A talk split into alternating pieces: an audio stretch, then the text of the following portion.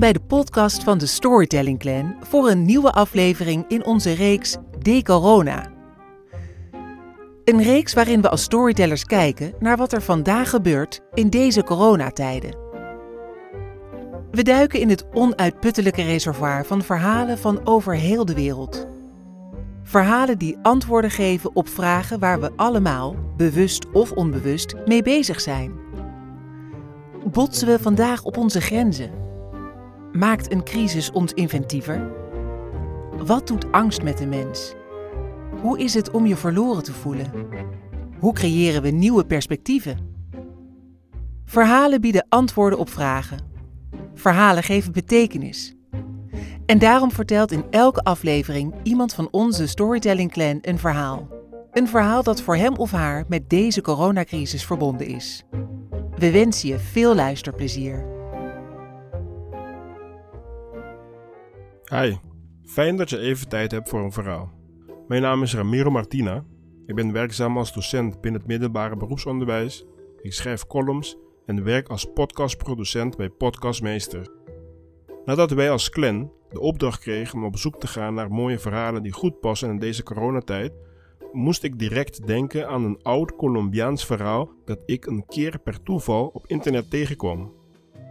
Toen ik me in dit verhaal verder ging verdiepen, kwam ik erachter dat er een hele community van analisten, vertellers en schrijvers zijn die zich hiermee bezighouden. Deze mensen houden zich voornamelijk bezig met wat de schrijver met dit verhaal wilde vertellen. Het verhaal zorgt namelijk voor meer vragen dan antwoorden. De relatie van dit verhaal met de huidige coronacrisis is voor mij de vragen en onzekerheden die nu zijn ontstaan. Zoals: wat voor lange termijn gevolgen heeft dit virus voor ons als mensen?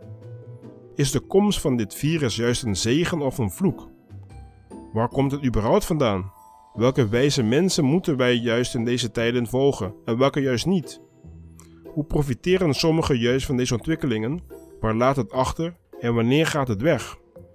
Nou, veel vragen dus. Ik hoop dat jij evenveel van geniet als ik ervan genoten heb. Een zeer oude man met enorme vleugels. Op de derde regendag had Pelayo en zijn vrouw Elicinda zoveel krabben in huis gedood dat hij zijn doorweekte tuin moest oversteken om de dode dieren in zee te gooien.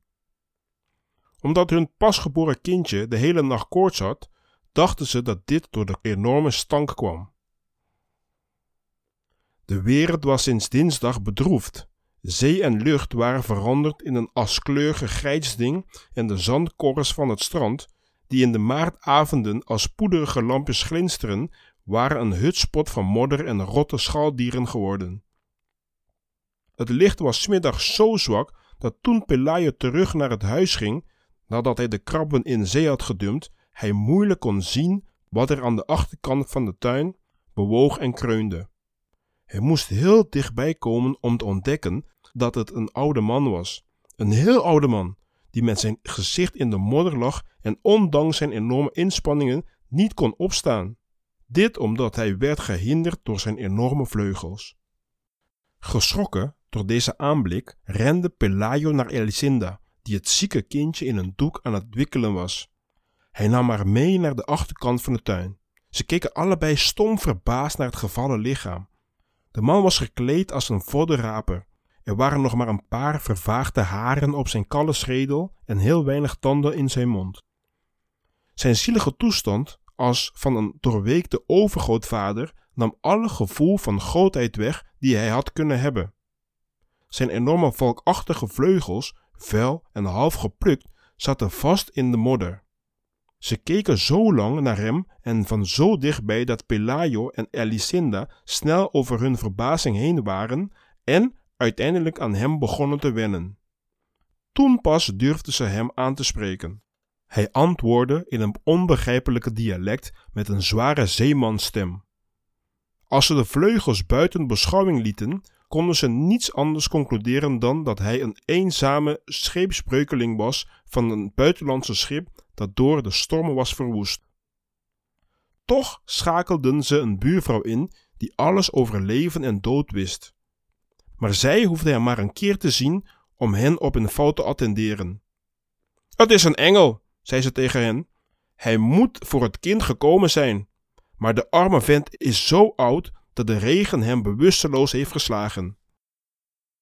De volgende dag wist iedereen dat in het huis van Pelayo een engel van vlees en bloed gevangen werd gehouden.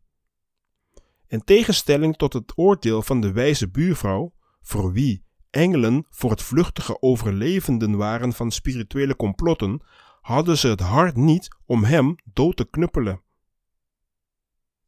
Pelayo waakte gewapend met zijn officiersknuppel vanuit de keuken de hele middag over hem. En voordat hij naar bed ging, sleepte hij hem uit de modder en sloot hem met de kippen op in het kippenhok. Midden in de nacht, toen de regen ophield, waren Pelayo en Elisinda nog steeds krabben aan het doden. Korte tijd later werd het kind wakker zonder koorts en met een gezonde eetlust. Ze voelden zich dankbaar en besloten de engel drie dagen op een vlot met vers water en eten zwaar te zetten en hem aan zijn lot op zee over te laten. Maar toen ze bij de eerste stralen van de ochtendzon de binnentuin binnenstroomden, vonden ze de hele buurt voor het kippenhok. Zonder enig respect maakten ze grapjes over de engel en gooiden voedsel door de openingen in het gaas. Alsof hij geen bovennatuurlijk wezen was, maar een circusdier. Pater Gonzaga arriveerde nog voordat het zeven uur was, gealarmeerd door het vreemde nieuws. Tegen die tijd waren er al een stuk minder lichtzinnige toeschouwers dan bij de zonsopgang. Men maakte zich nu vooral zorgen over de toekomst van de gevangenen. De simpelste zielen onder hen vonden dat hij benoemd moest worden tot burgemeester van de wereld. Anderen, die wat strenger van geest waren, vonden dat hij gepromoveerd moest worden tot een vijfsterren generaal, zodat alle oorlogen gewonnen konden worden. Een aantal visionairen hoopten dat hij als mannelijke fokwezen ingezet kon worden om zo een ras van gevleugelde wijze mannen op aarde voor te brengen, dat de leiding over het universum kon nemen.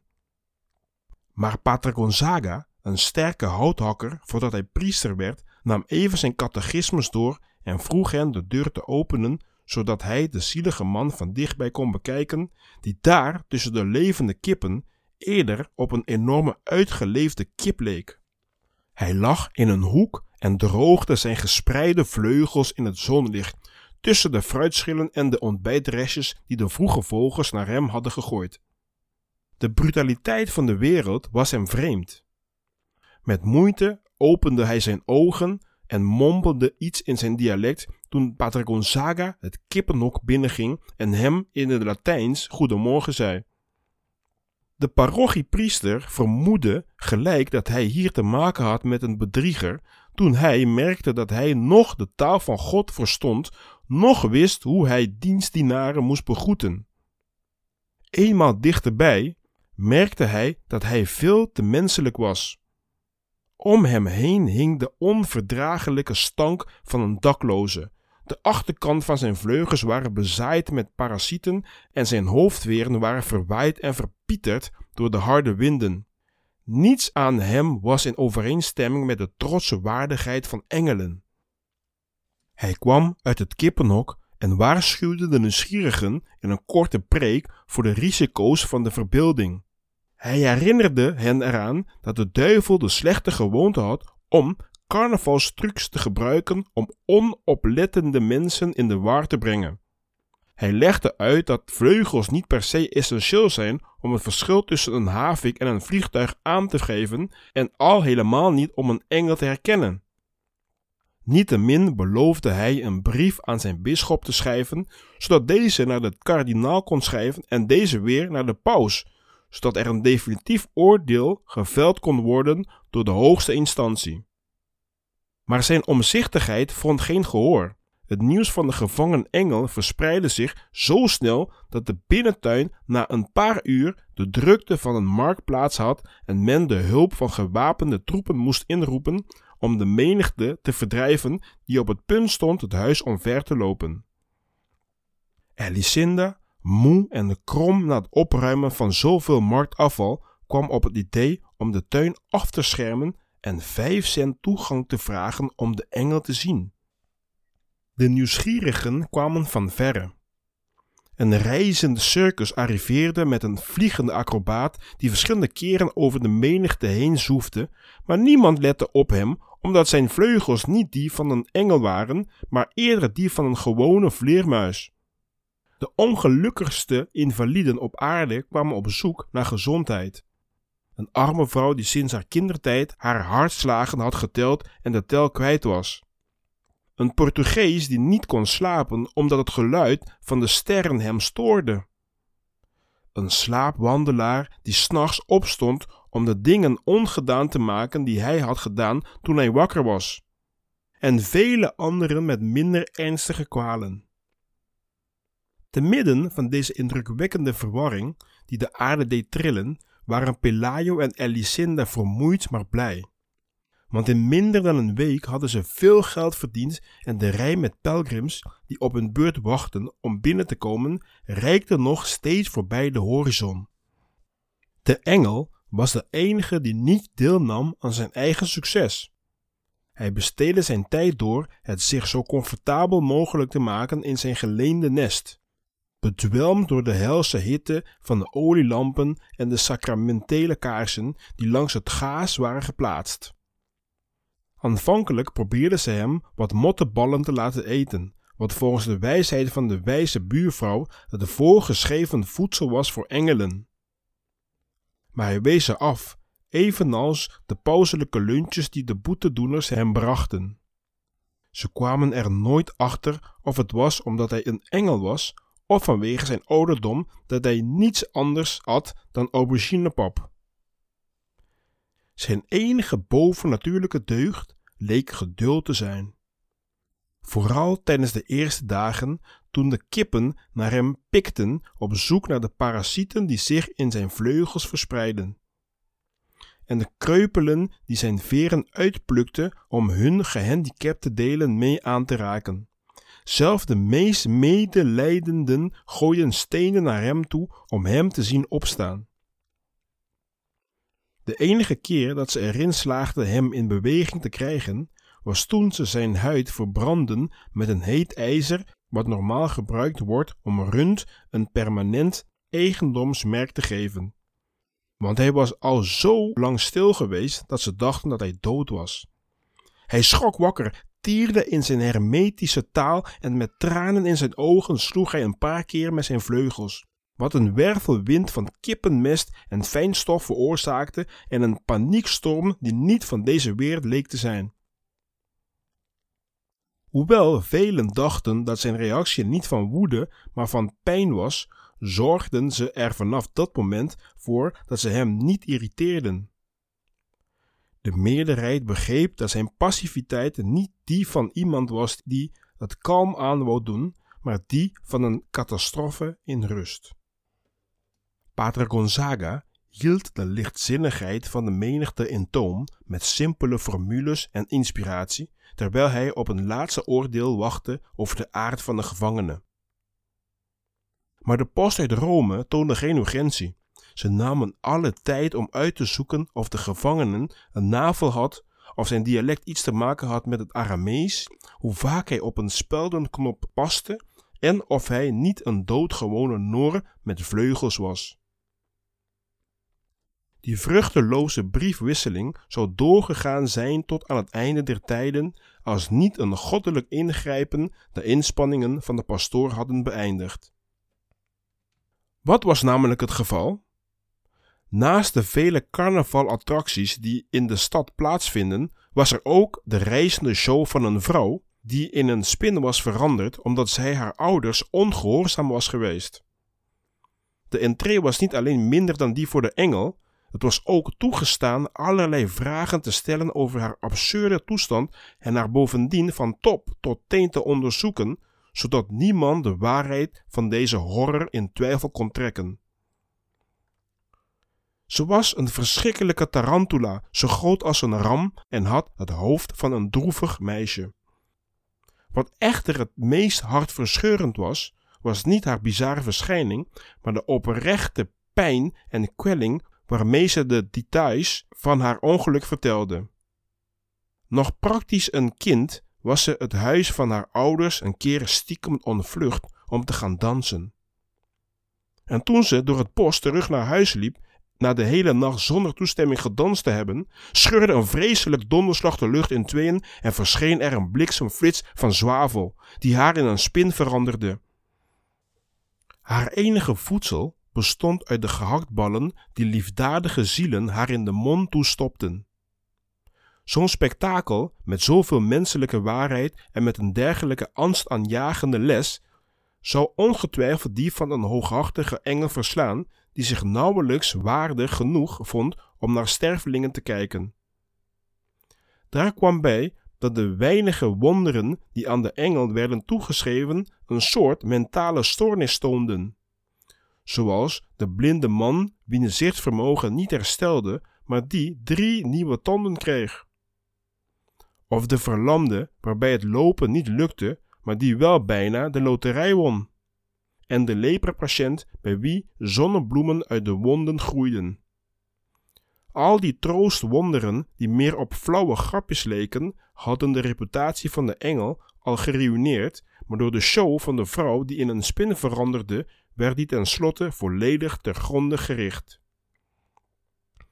Zo genas Pater Gonzaga voor altijd van zijn slapeloosheid en was de binnenplaats van Pelayo weer zo leeg als in de dagen dat het drie dagen regende en de krabben door de slaapkamers liepen. De eigenaren van het huis hadden geen reden om te klagen. Met het geld dat ze verdiend hadden, bouwden ze een herenhuis van twee verdiepingen met balkons en tuinen en hoge metalen netwerken, zodat krabben in de winter niet binnen konden en met ijzeren hekwerken voor de ramen zodat engelen niet naar binnen konden komen.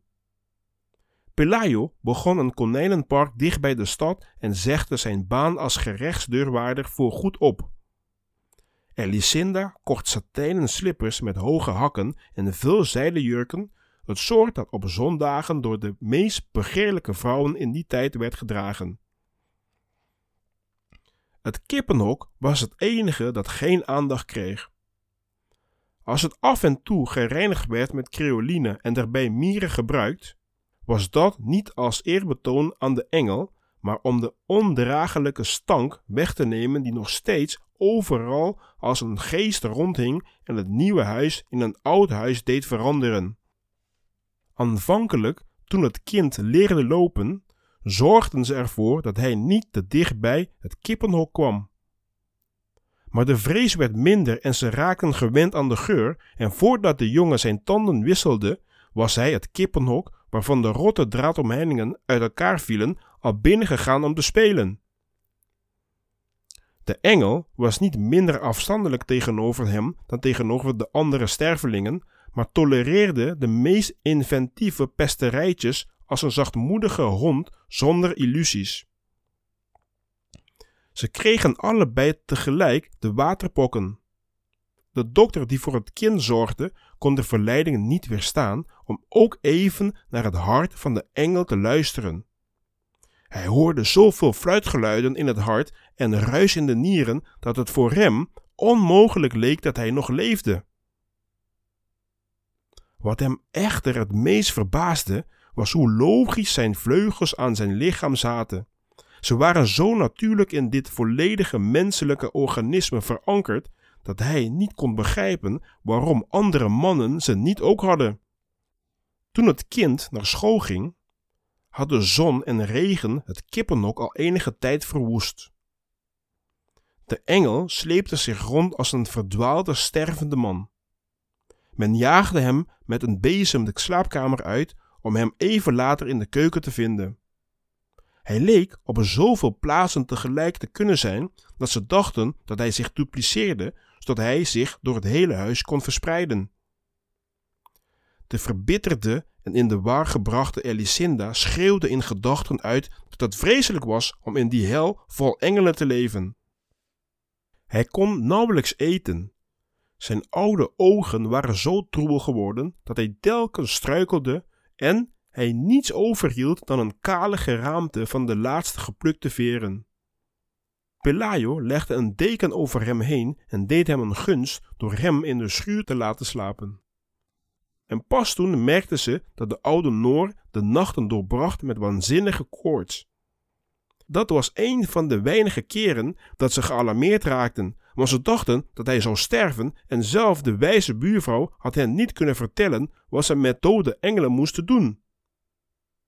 En toch overleefde hij niet alleen zijn strengste winter ooit, maar tijdens de eerste zonneschijn leek het zelf beter met hem te gaan. Hij bleef vele dagen roerloos in de verste hoek van de patio, waar niemand hem zag. En begin december begonnen enkele grote, stevige veren op zijn vleugels te groeien. De veren van een bejaarde vogel die meer op verval van ouderdom leken. Maar hij moet de reden voor die veranderingen hebben geweten, want hij was heel voorzichtig zodat niemand het zou merken en dat niemand de zeemansliederen zou horen die hij soms onder de sterren zong. Op een ochtend was Elisinde bezig met het snijden van wat uien in ringen voor de lunch, toen een wind die uit de volle zee leek te komen de keuken inwaaide. Toen ze uit het raam leunde, werd zij verrast door de eerste vluchtpogingen van de engel. Ze waren zo onhandig dat hij de grond van de moestuin met zijn vingernagels ploegde en op het punt stond om de schuur kapot te maken met zijn lompe, flapperende bewegingen die in het licht gleden en geen houvast in de lucht vonden. Maar hij wist wel hoogte te winnen. Elisenda slaakte een zucht van rust, voor haar en voor hem, toen ze hem de laatste huizen zag passeren en zichzelf op een of andere manier in stand hield met een willekeurig gefladder van een seniele gier. Zij bleef hem volgen totdat zij klaar was met het snijden van de uien en bleef hem volgen tot het moment dat zij hem niet meer kon zien. Omdat hij op dat moment geen belemmering meer in haar leven was, maar slechts een denkbeeldig stip aan de horizon van de zee. Dit was het verhaal van een zeer oude man met enorme vleugels. Hopelijk vliegt net als deze oude man het coronavirus zo ineens weg. Dit was het laatste verhaal voor de vakantie van De Corona. Bedankt voor het luisteren en bedankt voor al jullie positieve en enthousiaste reacties. De komende weken kan je alle verhalen rustig nog een keertje luisteren, terwijl wij al bezig zijn met een vervolg. Dus blijf veilig, blijf gezond, blijf vertellen, blijf luisteren. Dan horen we elkaar weer na de zomer. En ben je benieuwd wat we nog meer doen als Storytelling Clan? Surf dan eens naar storytellingacademy.nl.